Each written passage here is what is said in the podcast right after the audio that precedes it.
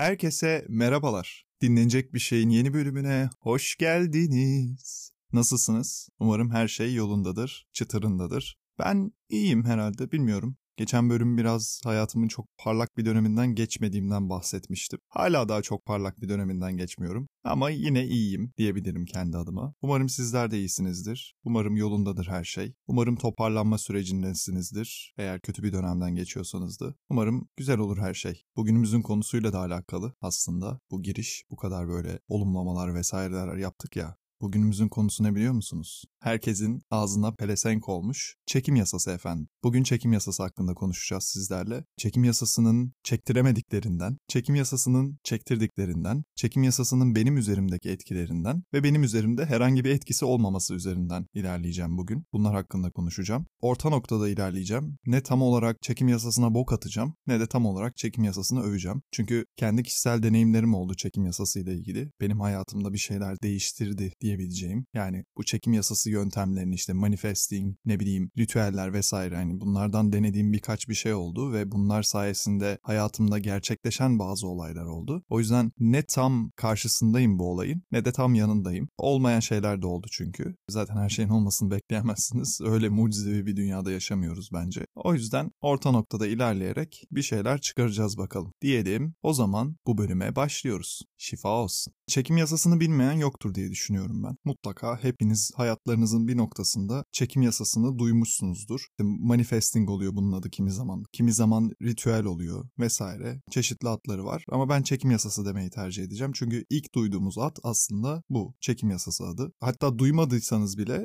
çok ilginç bir fanusta yaşıyor olmanız gerekiyor. Çünkü bu aralar o kadar gündem bir şey ki herkesin ağzında bir çekim yasası, işte bir 777 sayıları vesaire bunlar dolaşıyor. Mutlaka duymuşsunuzdur. İnanıp inanmamak tamamen size kalmış ama mutlaka duymuşsunuzdur. Duymadıysanız da gerçekten bir fanusta yaşıyor olmalısınız. Çekim yasası denilen şey aslında enerji üzerine kurgulanmış, enerji üzerine çalıştığı varsayılan bir sistem. Nasıl biliyor musunuz? Aslında duadan farksız. Ben duanın da dua etmenin de bir noktada enerjisel bir alan oluşturduğunu düşünüyorum. E biz tabii bunun dini boyutuyla büyütüldüğümüz için, bu yönüyle eğitildiğimiz için bu enerji alanına hiçbir şekilde değinilmiyor tabii bizde. Ama yine enerjiyle bağlantılı olduğunu düşünüyorum ben duanın da. Bu çekim yasası da daha evrensel bir şey aslında duaya göre. Çünkü dua dediğiniz şey dinlere bağlı olarak farklı isimler alabiliyor. İşte kimi dinde dua değil de daha çok meditasyon şeklinde ilerliyor. Yani meditatif yöntemlerle bir şeyler yapılıyor, ibadet ediliyor. Kimi dinde bizimki gibi böyle işte ellerin Allah'a açılarak dua edilmesi şeklinde oluyor ama bunların hepsi baktığınızda bence bir enerji olayı. Yani enerjisel bir ibadet şekli hepsi. Ben öyle düşünüyorum. Çekim yasası bunun evrensel hali. Yani dünyanın her yerinde enerji üzerine uygulanmış, enerji üzerine oluşturulmuş bir şey. O yüzden tamamen evrensel bir şey çekim yasası. Dünyanın neresine giderseniz gidin hep belli başlı yöntemlerle çekim yasasının çalıştığını, çalıştırıldığını, işlediğini duyarsınız hep. Şimdi çekim yasasıyla önce ben kendi deneyimlerimden bahsedeyim isterseniz çekim yasasıyla ilgili. Ben çekim yasasıyla ne zaman tanıştım? Yine herkesin çok bildiği bir belgesel var ya The Secret, Sır belgeseli. Ben ilk onunla tanıştım ama belgesel haliyle değil. Ben onun ilk başta kitabını okumuşum. Zaten ilk başta kitabı çıkmıştı sonradan belgeseli çekildi. Çok tutunca çok satınca kitap. Ben ilk o zaman tanıştım. Ama tabii bundan önce de okuduğum farklı kişisel gelişim kitapları vardı. Ama bunlar çekim yasası üzerine değil de insanın kendi değerini fark etmesi, kendisine bir öz saygı geliştirmesi üzerine yazılmış kitaplardı. O yüzden onları çok çekim yasasıyla bağdaştırmayacağım tabii ama bu kişisel gelişim kitaplarında beni etkileyen noktalar tabii benim bu alana olan ilgimi de bir tık arttırdı. Ben zaten bu şekilde bu The Secret kitaplarıyla ve belgeseliyle tanıştım ve izledim, okudum o kitapları. Ondan sonrasında birkaç bir denemem oldu tabii ki. Çünkü merak ediyorsunuz acaba gerçekten böyle bir şey olabilir mi? Denemekten de zarar gelmez bedava. Yani hiçbir efor sarf etmeniz gerekmiyor. Yatağınızdan çıkmadan, evinizden çıkmadan, pijamalarınızın içerisinde yapabileceğiniz bir şey. Hiç ekstra bir külfeti, bir yükü yok size. O yüzden çok kolay olduğu için denemesi. Dedim ki deneyeyim. Ne, ne olabilir ki zaten? Zaten hayatımda olmayan bir şey en kötü olmamaya devam eder. Ha olursa olursa da derim ki aa gerçekten işe yarıyormuş bak. Yani uygulanabilir. Beni de motive eder böylelikle diye düşünerek o dönemlerde bazı şeyleri denedim. Çekim yasası metotlarını kullanarak. Tabii bu çekim yasası metotları çok değişken. Çok fazla metot var. Sabit bir metot yok. Denendi onaylandı denilen bir metot yok. Ama hepsinin temeli zihinde imajine etme üzerine dayalı. Bu da frekanslarla alakalı diye biliyorum ben. Eğer yanlış biliyorsam lütfen düzeltin beni. Her şey enerjiden ibaret kabul edildiği için evrende yani sizin tuttuğunuz kalemden, kullandığınız masaya, oturduğunuz sandalyeye, bizler kendilerimiz yani insan olarak bizler bir enerjiyiz. Yani her şey aklınıza gelebilecek her şey en ufak en saçma şeylerin bile bir enerjiden var olduğu kabul ediliyor çekim yasasına göre ve bunların titreşimler yaydığı, titreşerek var oldukları kabul ediliyor. Evrenin de kendisi bir enerjiden oluştuğu için bu sebeple enerjinin aslında evrenin kendisi olduğu, evrenin kendisi ve içindeki her şeyin olduğu kabul ediliyor. Bu yüzden çekim yasasının da enerji yoluyla çalıştığı varsayılıyor. Yani kabul ediliyor. Varsayılıyor demeyeyim, kabul ediliyor. Siz zihninizde bir şeyi olmuş gibi imajine ettiğinizde yani çekim yasasına göre sizin frekansınız yani o vücudunuzdaki en ufak hücreye kadar olan e, bütün hücreleriniz belli bir seviyede titreşmeye başlıyor. Yani sizin imajine olmuş gibi imajine ettiğiniz olayın frekansında titreşmeye başlıyor. Bu da evrenin o olay için yani sizin imajine ettiğiniz olay için olan frekansına yükselmenizi sağlıyor. Ve siz o frekansla uyumlandığınız zaman bu olay aslında gerçekten sizin zihninizde e, canlandırdığınız olay sizin gerçekten hayatınızda gerçekleşmiş oluyor, gerçekleşiyor. Yani temel mantığı bu diyebilirim ben. Sınırlı bilgimle tabii ki öyle çok engin bilgilerim yok dediğim gibi. Ben kendi deneyimlerimden ve okuduklarımdan yola çıkarak konuşuyorum şu an burada. Temel mantığı bu. Siz bir şeyleri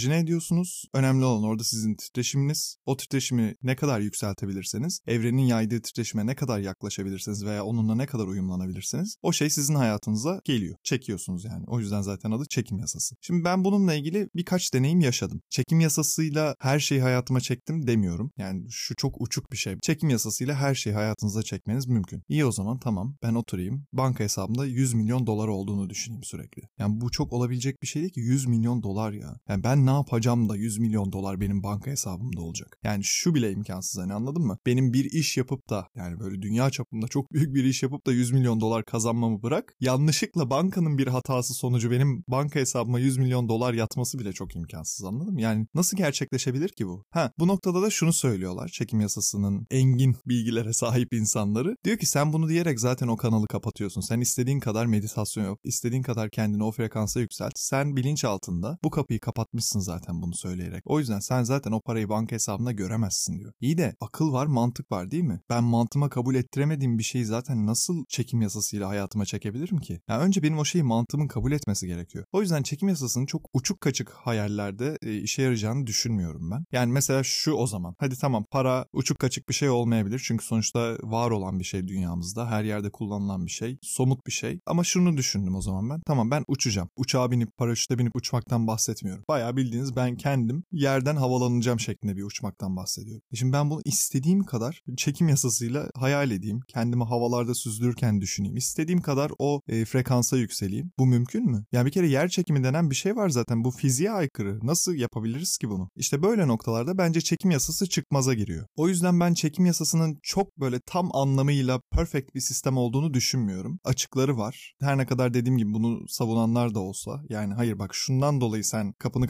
kapattığın için bu olmayacak. Ama olabilir evrende sonsuz olasılık vardır şeklinde bunu savunanlar da olsa bilmiyorum bence bu noktalarda çıkmaza giriyor çekim yasası. E, ritüeller, manifesting vesaire artık her ne derseniz bunun adına. Ama benim de nacizane kendi hayatımda yaşamış olduğum bazı deneyimler var. Zaten o yüzden başta söyledim. Orta noktada gideceğim diye. Çünkü tamamen karşısında değilim çekim yasasının. Bunu deneyerek bizzat üzerine çalışma yaptığım olaylar hakkında sonuç almışlığım var. Hem de birden fazla var. Ama işte bunun sanırım yapıldığı an mı çok önemli bilmiyorum. O an çok böyle mental olarak yüksek bir seviyede mi olmanız gerekiyor? Yani bunun doğru bir zamanı var mı onu bilmiyorum. Çünkü şöyle bir geriye dönüp düşündüğüm zaman üzerine o çalışma yaptığım zamanlar çekim yasası ile ilgili genelde akıl sağlığımın yerinde olduğu zamanlardı. Şu an yapsam muhtemelen hiçbir işe yaramaz. Çünkü çok yerinde bir akıl sağlığım yok kendimce. Delirmeden bir önceki adımdayım şu anda. O yüzden bıraktım zaten artık o işlere hiç uğraşmıyorum. Kendimi yormuyorum. Ama birkaç deneyim yaşadım. Tabii ki bu deneyimleri detaylandırmayacağım adlandırıp burada anlatmayacağım. Çünkü onlar benim hayatıma özel deneyimler. Ama gerçekten hani böyle yok ya bu imkansız. 100 milyon dolar kadar imkansız değil de hani yine de bir imkansız diyeceğiniz tarzda deneyimler yaşadığım oldu. En azından çekim yasasını kullanarak onu hayal ettiğim o an için imkansız görünüyordu. Yani olabilecek en azından insan mantığını kavrayabileceği bütün olasılıklar göz önüne alındığında imkansız görünen şeyler oldu hayatımda birkaç tane. Zaten onun motivasyonuyla ben üst üste bunu birkaç defa daha denedikten sonra yine birkaç daha bir şey gerçekleşti hayatımda. Bir noktadan sonra çıkmaza giriyor ya. Çünkü sanırım şöyle bir şey oluyor. Şimdi biz insan olarak doyumsuz varlıklar olduğumuz için bir şey gerçekleşiyor ve istedikçe daha çok istemeye başlıyoruz. Daha büyük istemeye başlıyoruz. Şöyle düşünün. Para gelir, sonra daha çok para gelsin istersiniz. Daha çok para gelir, daha çok para gelsin istersiniz. Hani onun gibi sürekli bir doyumsuzluk hali söz konusu olduğu için bizde sanırım bir şeyler gerçekleştikçe bu sefer daha büyük şeyler istemeye başlıyoruz. Bir noktada da tıkanıyor bu şeyler. E, bu isteklerin gerçekleşebilme olasılığı düşüyor. Nedir mesela? Ben şöyle başlamıştım. Çok küçük bir şey istemiştim ilk başta. Hani sırf çekim yasasının gerçekten çalışıp çalışmadığını denemek için. İmkansız da görünmüyordu. Hani olmaz ya dediğim bir şeydi. Oldu. Sonra aa bu oldu deyince bir tık daha büyük bir şey istedim. E, o da oldu. Sonra bir tık daha büyük bir şey istedim. E, o da oldu. Tabii bunlar zamanları tamamen değişebiliyor. Yani ya, onu da söylüyorlar mesela. Diyorlar ki evrende her şey şu anda vardır. Hiçbir şeyin zamanı yoktur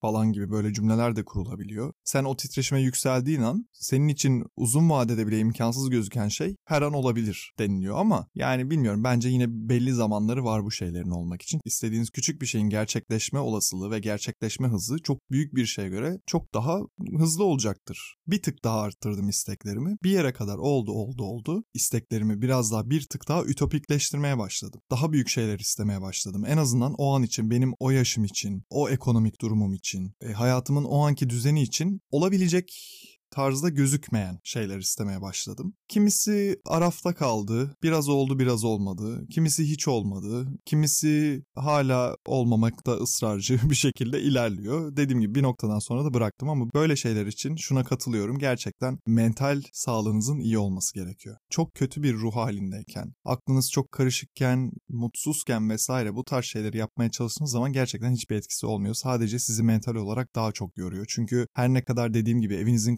konforunda pijamalarınızın içinde yatağınızda yapabileceğiniz kadar basitlikte bir şey olsa da gerçekten mental bir güç istiyor bunu yapmak. Bir şeyi bence zihnimizde imajine etmek çok zor. Aslında çocukken bunların yapılması çok daha kolay ama ne yazık ki büyüdükçe gerçek dünyayla karşılaştıkça hayal etme gücümüzü, o bir şeyler için heyecanımızı kaybediyoruz ya o yüzden daha da zor oluyor. Mesela benim yaşım için zor. Benden daha e, yaşlı, daha büyük bir insan için çok daha zordur bunlar eminim. Bunları denemek, yapmak. Çünkü beyin de yorulmuş oluyor belli bir seviyede artık gördüklerinden, yaşadıklarından. Belki böyle şeyler çocuklar üzerinde denense, yani çocuklara bunların eğitimi verilip çocukların bunları denemesi istense çok daha farklı sonuçlar ortaya çıkabilir mi bilmiyorum. Bununla ilgili hiçbir çalışma var mı ona da bakmadım. Belki yapılıyordur böyle şeyler. Çekim yasası ile ilgili eğitimler verilip de çocukların nasıl bir yol çizdikleri belki gözlemleniyordur ama hiç araştırmadım. Çünkü çocukken zihniniz o kadar berrak, o kadar temiz oluyor ki dünyadan bir habersiniz. Hiçbir şey bilmiyorsunuz. Hiçbir kaygınız, derdiniz, tasanız yok. Tek derdiniz işte şey istediğiniz oyuncağın alınması mesela. O yüzden diyorum çocukken böyle şeyler daha kolay. Berrak bir zihin olduğu için daha kolay diye. Bu berrak zihni biz şu yaşımızda koruyor olabilsek belki bizim için de kolay olur. Ama çocuklar için çok çok daha kolay ama çocuklara da tabii ki böyle eğitimler verilmiyor. Bence denenebilir ya. Bir zarar gelmez çünkü çekim yasası denilen şey zarar verecek bir şey değil. İnsanı mutlu ediyor her şeyden önce. Hiçbir şey gerçekleşmese bile o şeyin gerçekleşmiş olduğu hissiyatına gerçekten bürünebilirseniz sizi çok mutlu ediyor o an ya. Gerçekleşmese bile o anınız o kadar güzelleşiyor ki. Yani sırf akıl sağlığınızı biraz düzeltebilmek için bile bunu yapabilirsiniz. Yani bir şey gerçekleşmese bile sizi mutlu etmesi için bunu yapabilirsiniz. Yani bu en basitinden e, size keyif veren bir aktiviteyi yapmak gibi bir şey aslında. Sıfır beklentiyle bile yapsınız ama kim bilir belki de çok güzel sonuçlar da alırsınız. Yani denemekten zarar gelmez. Çünkü herhangi bir götürüsü olmadığı gibi getirisi olmasa da hayatınıza kaldığınız yerden aynı şekilde devam edebiliyorsunuz. Ama bir getirisi de olabilir. O yüzden denenebilir. Eğer böyle şeylere karşıysanız veya hiç denemediyseniz ben size tavsiye edebilirim. Ama öncesinde bir araştırmanızı yapın. Kuru kuru böyle zihninizde tamamen olumsuz düşüncelerle bir şeyleri imajine etmeye çalışmayın. Öncesinde The Secret kitabını okuyun ya The Secret belgeselini izleyin. İnternetten araştırın çekim yasası nedir. YouTube'da tonla video var artık bununla ilgili. Çünkü çok popüler bir gündem haline geldi. İnsanlar dünyadan umudu kesince artık farklı alanlara böyle yönelmeye başlıyor sanırım. Ondan dolayı çok popüler hale geldi. Bundan belki 5 yıl sonra çok daha başka şeyler çıkar karşımıza. Onu da bilmiyorum. Ama şu an bugünün gündemi gündemi bu. Şu dünyanın gündemi şu anda çekim yasası. Bununla ilgili gerçekten çok büyük deneyimler yaşayan insanlar da var. Ben de YouTube'da tonla video izledim gerçekten bununla ilgili. Yani ne kadar doğrudur onu bilmiyorum. Belki YouTube'da etkileşim almak için yapıyor bu videoları. Bakın ben böyle böyle bunları yaptım diye. Çünkü insanlar dediğim gibi bir umut aradıkları için yani bir çıkış noktası aradıkları için hayatlarıyla ilgili her şeye saldırıyorlar bulabildikleri. Buradan bir pazarlama stratejisi geliştirip de bunun üzerinden bir prim yapma kastı olan insanlar olabilir. O videoların hepsi %100 gerçekliği yansıtıyor diyemem ben açıkçası. Olsun bilgilenmek isterseniz, fikriniz olsun isterseniz onlara bakabilirsiniz. Şimdi bir de bu 7-7 olayı var biliyorsunuz. Bu da aslında çekim yasasından bağımsız gerçi ama yine evrenin enerjisiyle ilgili bir şey. E, bu 7-7 olayı yine çok ilginç bir şekilde herkesin ağzına pelesenk olmuş. Yani ben çok duyuyorum bu 7-7'yi. Aldım kabul ettim olaylarını falan. İlginç bir şekilde çok karşıma çıkmaya başladı bu aralar. Aldın kabul ettin de neyi aldın kabul ettin ve bu 7-7-7'nin nereden geldiğini biliyor musun sen? Hiç arka planına bakmadan, araştırmadan öyle gün içinde hani bir selam falan demek gibi sürekli 7-7-7 diyen insanlar var ve bundan büyük mucizeler bekliyorlar. Ama bir baktın mı neymiş bu 7-7-7? Hiç merak ettin mi? Ben baktım. Biliyordum da zaten öncesinde. Bu kadar popüler olmadan önce de biliyordum. 7-7-7 muhabbeti sadece bu 7-7-7 ile sınırlı değil. Grabovoi sayıları deniyor bunlara. Grabovoi sayıları şöyle. Bunun bilimsel bir yönü olduğu düşünülüyor. Grabovoi kim derseniz Rus matematik profesörü kendisi Grigori Grabovoi. Uzun yıllar işte sayılar ve bu sayıların frekansları üzerine çalışmış ve kendi adını vermiş bu sisteme de. Birkaç yıldır da bizim ülkemizde de çok fazla zaten bilinir hale geldi. Siz de mutlaka duymuşsunuzdur bunu. 777'nin anlamı mucizeler gerçekleşiyor, mucizeleri hayatıma çekiyorum gibi bir şey sanırım. Burada şöyle bir şey var. Yani Grabovoi'nin bu yöntemi geliştirmesindeki arka plan şuymuş. Sayılar evrensel olduğu için e, hangi dilde kullanıldığı önemli değil. Yani bir sayısının sembol ve titreşimi var ve bu tüm dünyada aynı. Çünkü sayı bir, bir sayısı. Yani kişi de bilincinde o sayıyı temsil eden bir frekans var dolayısıyla. Yani bir sayısını temsil eden bir frekans var. iki sayısını temsil eden bir frekans var. Ve dolayısıyla Grabovoi diyor ki her sayıyı belirli renk ve titreşim olarak görmek gerekir. Kişide de bozulan titreşimleri bu şekilde sayıların frekansıyla düzeltmek mümkündür şeklinde bir açıklaması, bir yöntemi var. Yani bu şekilde Grabovoi sayılarını kendisi geliştirmiş.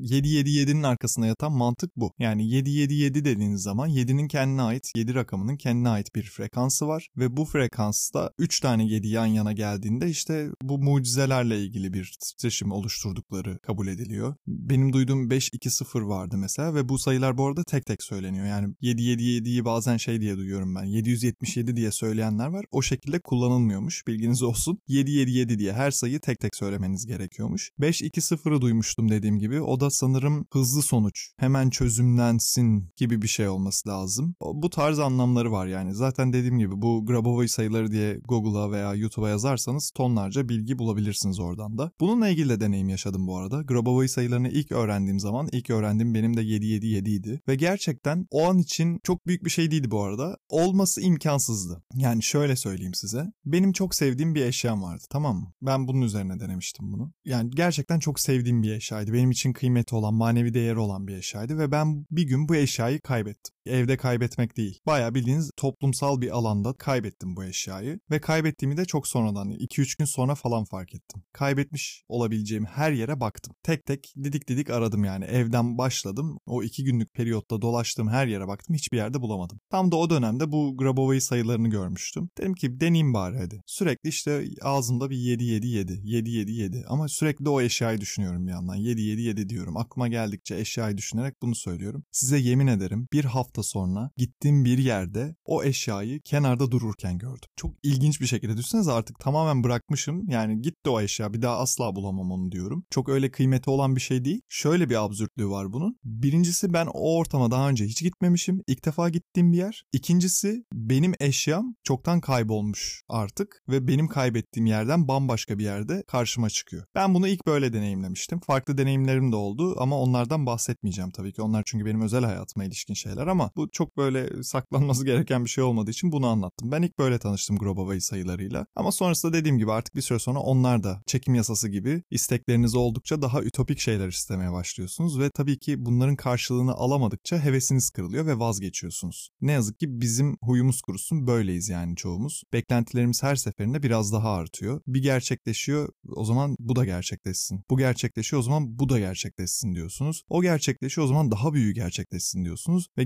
gitgide gitgide artıyor. Yani bu şeye benziyor mesela benim eşyamla başlayıp sonunda Lamborghini falan istememe benziyor bu. Eşyamın bulunması tamam yine o olay kapsamında mucize gibi bir şey benim için ama yani bir Lamborghini'nin mucizesi kadar da mucizevi bir şey değil. Anlatabildim mi? Ha olur mu? Bilmiyorum bu yöntemle hiç öyle bir Lamborghini sahibi olan oldu mu? Belki olmuştur. Ben hiç denemedim açıkçası. Yani benim denediğim şeyler daha akıl sınırları, akıl mantık çerçevesi içerisinde kalan şeylerdi ama dediğim gibi bir noktadan sonra ütopikleştiği için yine de dileklerim. Yani ben de çok üstüne düşmemeye başladım. Şu anda da artık kullanmıyorum açıkçası. Yani şu an bu podcast'i kaydederken uzun bir aradan sonra ilk defa 7-7-7 dedim. Bu şekilde böyle ilginç değişik şeyler var. Yani artık insanların çıkış noktası aramaktan kafayı yediği noktada böyle şeylere sarması zaten bunları popüler hale getiriyor. Yani bilmiyorum bunları biraz hani ikinci bölümümüzde influencerlarımız hakkında konuşmuştuk ya. Trauma Queen influencerlarımız. Onlar da biraz bunların yaygınlaşmasında etken rol oynuyor. Çünkü kendileri de bunları deniyorlar ve bunları takipçileriyle paylaştıkları zaman işte yayılıyor o kitlelerce ve hayatlarında bir umut arayan insanlar da denemekten de zarar gelmez bunu da deneyeyim diye onu da deniyor, bunu da deniyor, şunu da deniyor ve sonrasında hiçbir sonuç alamayınca tekrar mutsuz kalmaya devam ediyor. Ama şunu da söyleyeyim mutlaka aralarında sonuç alan insanlar da vardır. Hiç kimse hiçbir sonuç almaz, almamıştır demiyorum. Bu sizin o anki ruh halinizle, buna ne kadar inandığınızla, aklınızın o an buna ne kadar müsait olduğuyla ilgili bir şey sanırım. Çünkü enerjiden bahsediyoruz ve siz o enerjiyi yaratmak için hak verirseniz ki belli bir enerji seviyesinde olmanız gerekiyor. E siz sıfır noktasındayken 10 noktasındaki bir şeyi yaratamazsınız ki. Ona yakın bile değilsiniz çünkü. Hiç değilse o 10 noktasına yakın bir seviyede olsanız belki daha işe yarar yöntemler olabilir bunlar. Dediğim gibi benim deneyimlediğim zamanlardaki enerji seviyemi, ruh halimi, akıl sağlığımı çok hatırlamıyorum ama herhalde fena değildim yani iyiden halledeceydim o zamanlar. Öyle olsa gerek ki bir şeyler gerçekleşmiş. Ama şu anki mentalitemle denesem muhtemelen hiçbir bok olmaz. Ondan da eminim. O yüzden öncesinde zaten meditasyon yapılmasını falan öneriyor bu işle uğraşan kişiler. Akıl dinginliğini sağlama, akıldaki yoğun düşüncelerden uzaklaştırma kişiyi, enerjisini yükseltme vesaire bunlar üzerine yapılıyor. Bunlar için yapılıyor meditasyon. Öyle bir haldeyiz ki artık bırakın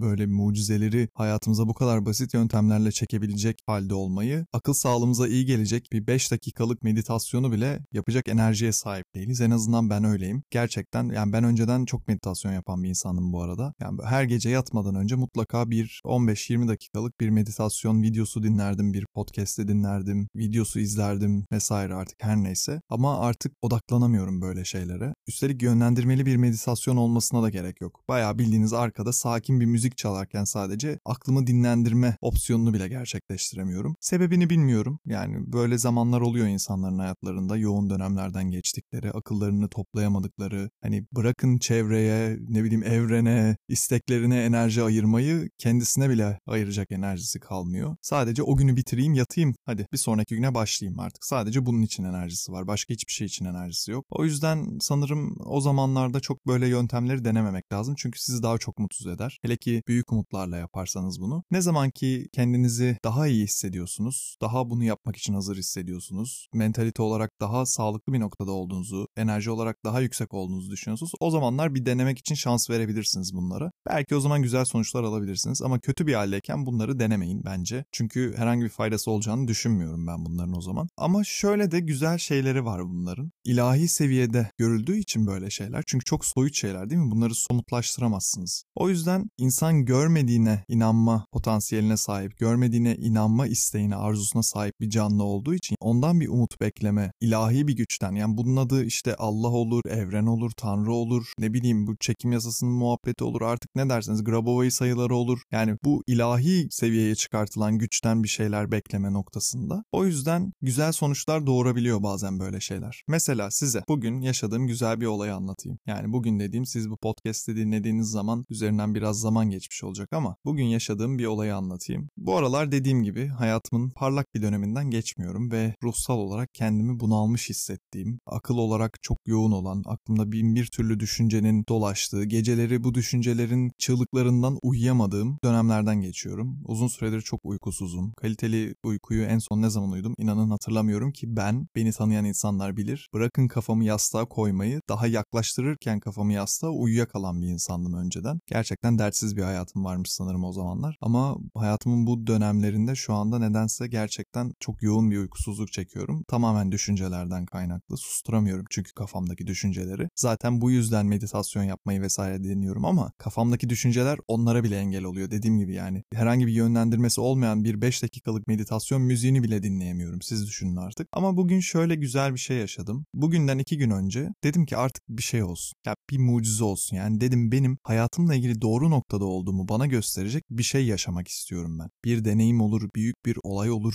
bir işaret olur. Neyse artık bu. Ben dedim bunu yaşamak istiyorum ama bunu tamamen içten bir konuşma yaparak yani ne bir Grabovoi sayısı ne işte evrene enerji gönderme. Tamamen hiç bunlarla uğraşmadan kendimle konuşuyormuşum gibi söyledim bunu. Yani biraz da böyle sitemkar bir şekilde söyledim açıkçası. Sonra ne oldu biliyor musunuz? Kendimle yaptığım konuşmadan bir gün sonra benim şöyle bir şeyim vardır. Önce ondan bahsedeyim. Yaklaşık 4-5 yıldır kendimce belirlemiş olduğum bir işaretim vardır. Ama böyle özellikle çok nadir bir işaret seçmiştim bunu belirlediğim zamanlarda. Ne olduğunu söylemeyeceğim o bana özel kalsın. Çok nadir görüldüğünü bildiğim bir işaret seçmiştim ki o nadirlikte bir şey gördüğüm zaman karşıma çıktığında bileyim ki hayatımla ilgili doğru noktada. Doğru ilerliyorum. İlerlemeye devam edeyim. Ayakta kalmak için direneyim, ayakta kalayım. Güzel şeyler olacak. Benim için bu işaretin mesajı bu. Hiçbir şey olmayacak bile olsa beni o mentaliteye geri getiriyor o işareti gördüğüm zaman. Yani kendimi ona koşullamış oluyorum. Yani kendime bunu hatırlatıyorum hiç değilse. Bunu unuttuğum zamanlarda diyorum ki bak sen doğru zamandasın. Ne geç kaldın ne erkencisin. Doğru zamandasın, doğru yolda ilerliyorsun. Herkesin kendine ait zamanı vardır. Herkes her şeyi farklı zamanlarda başarır, gerçekleştirir.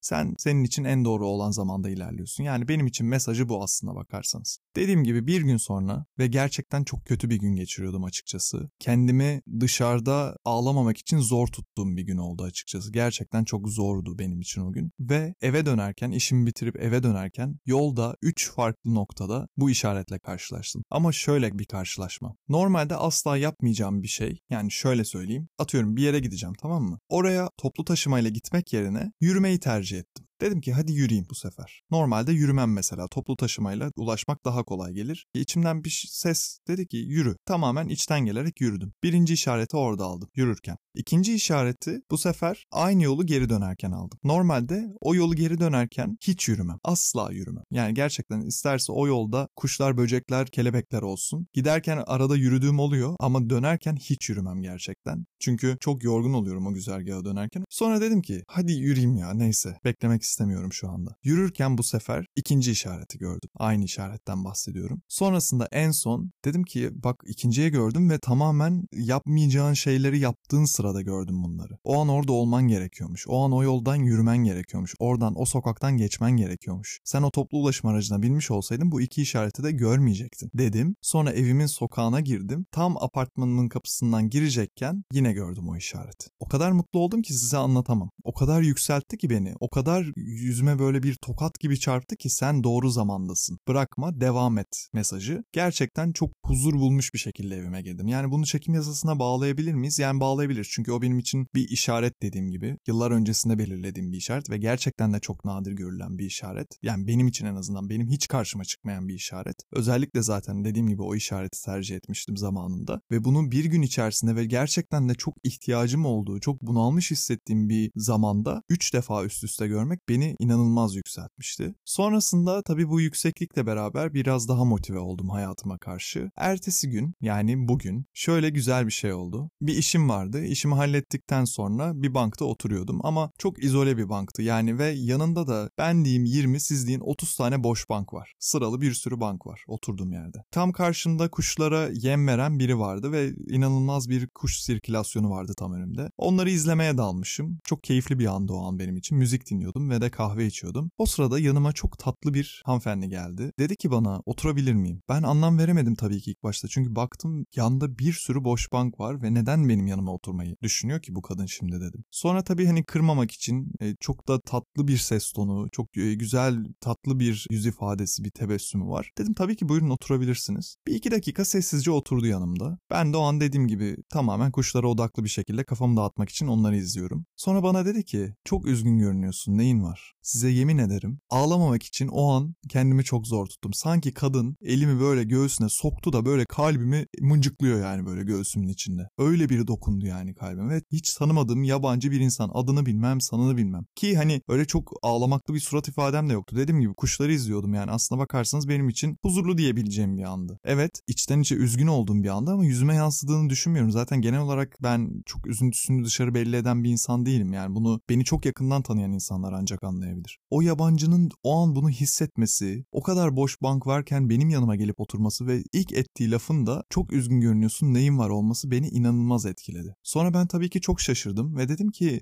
e, tabii ki yani sonuçta tanımadığım birine bütün dertlerimi dökecek değilim. O yüzden geçiştirecek bir cevap verdim. Dedim ki genel hayat sorunları ama ben dedim sizin bunu nasıl anladığınızı çok şaşırdım. Yani nasıl hissedebildiniz bunu? Buraya geldiğimde dedi bütün bankların yanından geçtim ama dedi buraya gelmek istedim dedi. Senin yanına oturmak istedim dedi seni görünce dedi. Bu şekilde başladı konuşma. 15 dakika 20 dakika boyunca sadece bu manevi yönden çok güzel bir konuşma yaptı. Ne ben ona adını sordum ne o bana adımı sordu. Hani bizde bu insanları belli statüye sokmak için sorulan sorular vardır ya addan bağımsız işte ne iş yapıyorsun, kaç yaşındasın, nerede yaşıyorsun, evli misin, çocuğun var mı gibi belli böyle kalıplara sokmak için sorulan sorular vardır ya hep ilk tanıştığımızda hep sorarız bunları karşımızdakine. Hiçbirini konuşmadık biliyor musunuz? Ne o benim adımı öğrendi, ne ben onun adını öğrendim, ne o benim ne iş yaptığımı öğrendi, ne ben onun ne iş yaptığını öğrendim. Sadece maneviyata yönelik bir konuşma oldu. Maneviyattan kastım din üzerine değil, beni çok iyi hissettirecek şekilde konuştu. En son yanımdan kalkarken bana dedi ki hiçbir şey için kendini üzme, her şey olacağına varıyor, sana üzgün olmak hiç yakışmıyor dedi ve yanımdan kalktı gitti. Düşünebiliyor musunuz? Tamamen yabancı bir insan, tamamen sizi hiçbir şekilde tanımıyor ve yanınızdan kalktığında da tanımıyor sizi aslında. Siz de onu tanımıyorsunuz. Dediğim gibi ben o kadının adını bilmiyorum hala. Sadece yüzünü biliyorum ve asla unutmayacağım bir yüz oldu benim için bir anda. Çünkü gerçekten öyle ihtiyacım olan bir anda benim hayatıma dokundu ki, öyle ihtiyacım olan bir anda benim karşıma çıktı ki ben şoka girdim ve ben ilk defa böyle bir deneyim yaşıyorum. Mutlaka vardır aranızda buna benzer şeyler yaşayan, çok ihtiyacı olan bir anda karşısına böyle değişik bir kişi çıkan ama yaşamadıysanız da umarım bir gün yaşarsınız. Umarım bir gün hiç tanımadığınız bir yabancı yanınıza gelerek sizi bulunduğunuz ruh halinden çekip çıkarıp yükseltecek kelimeler eder size. Bu güzel bir söz olabilir. Benim yaşadığım gibi güzel bir konuşma olabilir. Neyse artık sizi mutlu edecek olan o an. Umarım bunu yaşarsınız. Tüm kalbimle diliyorum. Gerçekten çok ihtiyacım olan bir andı. Bu podcast kendisine ulaşmaz muhtemelen ama ulaşırsa bilsin ki gerçekten benim günümü değiştirdi. Benim bakış açımı değiştirdi. İnanın bu bölümü kaydetmek için uzunca bir süredir kendimi motive etmeye çalışıyordum. Halbuki çok zor bir şey değil yani. Oturacağım ve kayıt alacağım sadece. Editleme kısmından bahsetmiyorum. Sadece kayıt kısmından bahsediyorum. Ama bunu yapmak için bile çok uzun süredir kendimde o enerjiyi bulamıyordum.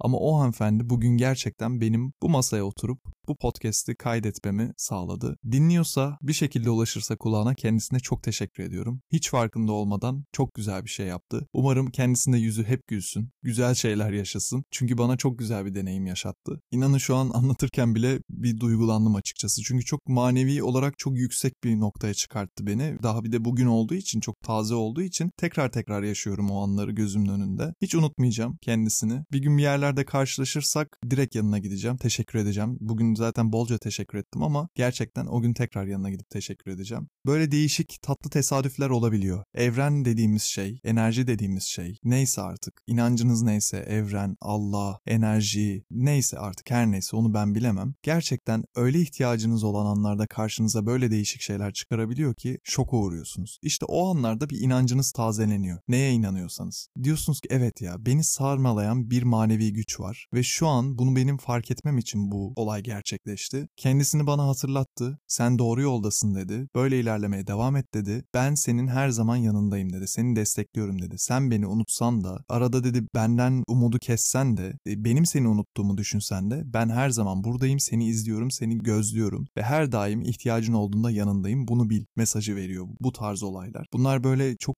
hiçe sayılacak şeyler değil gerçekten. Yavana atılacak şeyler değil. Çok hoş şeyler. Gerçekten ben çok memnunum böyle bir şey yaşadığım için. Çok mutluyum. Herhalde de bundan 15 yıl sonra da gerçekten hatırlayacağım bir an olacak benim için. Çok uzun süredir gerçekten böyle iyi hissetmemiştim. İşin güzel yanı şu, bana aynı kelimeleri bir arkadaşım, annem, babam, kardeşim yani bir tanıdığım bir insan söylese aynı kelimelerle, aynı tonla o kadının söylediklerini söylese inanın bende etkisi bu kadar olmazdı. Ama bazen böyle şeyleri hiç tanımadığınız, bir daha hayatınızda asla görmeyeceğiniz, öldü mü kaldı mı bilmeyeceğiniz bir yabancıdan duymak sizi çok daha başka hissettiriyor. Hani şey vardır ya bir yabancıyla dertleşmek bir arkadaşınızla dertleşmekten bazen çok daha iyidir diye. Onun gibi bir şey bu da gerçekten. Yani ben de bir noktada bugün bir yabancıyla dertleştim aslında. İnanılmaz da güzel geldi bana. Umarım böyle bir fırsat elinize geçer. Böyle bir şey yaşarsınız. Bunu siz yaşamasanız bile birine yaşatırsınız umarım. Birinin gününü güzelleştirirsiniz. Çünkü o da manevi olarak çok kuvvetli olsa gerek böyle bir şey. Çünkü bunu ben bugün bu hanımefendiyle tanıştıktan sonra gerçekten düşünmeye başladım. Dedim ki bir gün ben de böyle birini görürsem üzgün, yalnız görünen, mutsuz bir şekilde yani dışarıya yansırsa veya enerjisi bana geçerse o kadın benim enerjimden bunu hissetmiş olmalı. Dümdüz bir yüz ifadesiyle oturuyordum. Ne ağlamaklı bir yüz suratım vardı ne de kahkaha atıyordum. Yani dışarıdan bakan beni tanımayan bir insan bunu anlayamaz benim üzgün olduğumu. Yalnız oturuyorum tamam ama yani yalnız oturmak öyle çok abartılacak bir şey değil ki. Herkes yalnız başına oturabilir bir yerlerde. Muhtemelen enerjimden hissetmiş olsa gerek. E, bir şekilde ben de bir gün enerjisinden hissedersem böyle bir insanın, somut olarak yüzünden görürsem vesaire gerçekten bunu yapacağım. Bir insanın gününü güzelleştirmek veya bir insanın sizin gününüzü güzelleştirmesi manevi olarak çok kuvvetli bir şeymiş. Onu fark ettim. Bu tatlı deneyimi yaşadıktan sonra bir tık daha çekim yasasına ılımlandım efendim. Çünkü iki gün öncesinde dilediğim o mucize, bir şeyler yani bir işaret bu dileklerden, bu isteklerden, e, bu manifestinglerden,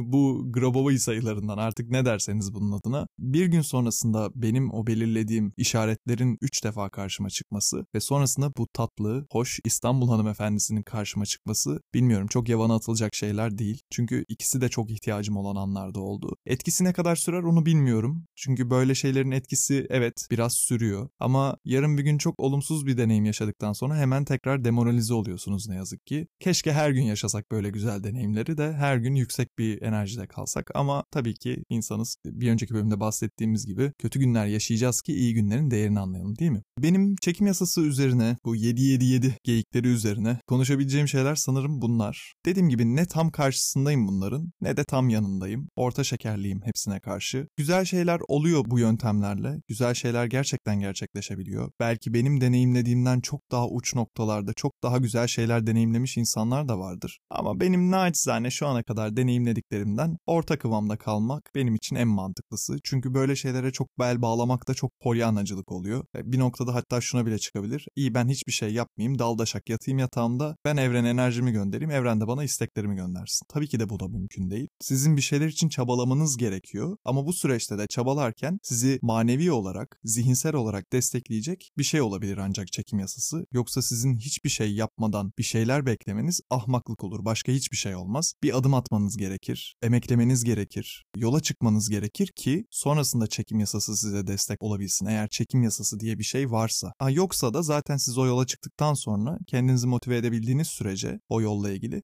mutlaka bir şeyler başaracaksınızdır iyi kötü. Ama çekim yasası da hiç değilse bu işe bir güzellik katıyor, bir heyecan katıyor. Denemekten dediğim gibi zarar gelmez. Ön yargılarınız varsa e, bir şans verin. Bir video izleyin, bir kitap okuyun hiç değilse. E, en azından size farklı bir bakış açısı katar veya hiçbir şey olmasa bile bu konuların konuşulduğu bir ortama girdiğiniz zaman sizin de bir fikriniz olur bunlarla ilgili. Belirtebileceğiniz bir düşünceniz olur. Fransız kalmazsınız yani konuya doğru tabirle. Hele ki şu dönemde kalmamalısınız da çünkü gerçekten sokaktaki 10 kişiden 9'u bu konuyu konuşuyor. Twitter deseniz, Instagram deseniz, diğer sosyal medya platformları deseniz hepsinde yani karşınıza çıkıyor böyle şeyler. E, tabii enerji işin içine girdiğiniz zaman bunun falı var, biyoenerjisi var, tarot var bilmem ne var. Onlar hakkında çok bir bilgim olmadığı için şey yapamayacağım. Ha fal baktırdım, tarot da baktırdım daha önce ama e, bunlar biraz daha farklı şeyler. Astroloji var mesela. Tabii astroloji biraz daha bilimsel alanda kalıyor sanırım. Çünkü matematik giriyor orada işin içine. Astroloji ile ilgili çok bir bilgim olmadığı için onda yorum yapmayacağım ama yani bilmiyorum ya bu burç dediğiniz şey her insan özeldir, biriciktir muhabbeti var ya. O zaman burçların bu kadar genel olması saçma değil mi sizce de? Ha burada da doğum haritasına yönlendiriyorlar. Bilmiyorum doğum haritası hiç baktırmadım. Belki o daha efektif. Gerçekten kişiye özel olduğu için hayatınız hakkında daha bilimsel yönden size bilgiler, öngörüler verebilecek bir şeydir. Bilmiyorum. E, bir gün fırsatım olursa ona da baktırırım tabii ki. Böyle şeylere kapıları asla tam olarak kapatmam. Denemek isterim. Merak ediyorum çünkü. Farklı konular bunlar. Spiritüel alana benim de ilgim var. Hoşuma da gidiyor açıkçası böyle şeyler. Yani hiçbir şeye tam olarak bel bağlamamak lazım. Sadece kendinize bel bağlayın. Sadece kendinize güvenin. Bunları da destekleyici olarak kullanabilirsiniz kendinize. Yani bir yola çıktığınız zaman fiziki bir yoldan bahsetmiyorum. Bir kariyer olur, bir aşk olur vesaire. O yolda bunların sizi desteklemesi için kullanabilirsiniz böyle şeyleri. Faydası olur, zararı olmaz diye düşünüyorum ben. Ama tamamen de bel bağlamayın dediğim gibi. Çünkü bütün umutları buna bağlamak sonucunda hüsran getirir. Başka hiçbir halta yaramaz. Bunu da denedim bu arada. Oradan çok kesin bir şekilde konuşabiliyorum. Hiçbir halt yapmadan yani doğru tabirle yataktan çıkmadan çok şey beklediğimde oldu bunları yaparak. Hiçbir bok olmuyor o zaman. Yani sike sike o adımı atacaksınız. O yolda bunları yapacaksınız. Ancak o zaman bir şeyler olursa olur. Olursa da dersiniz ki bak oldu. Bir sonrakinde yine denersiniz ama çok böyle uçarı kaçarı şeyler içinde istemeyin bunu. Bilmiyorum o zaman siz mutsuz olurmuşsunuz gibi geliyor bana. Onu da yaşadım çünkü. Onda da mutsuz oldum. Çok uçarı kaçarı şeyler de istedim. Olmadı. Olacakmış gibi de durmuyor. Ha, asla imkansız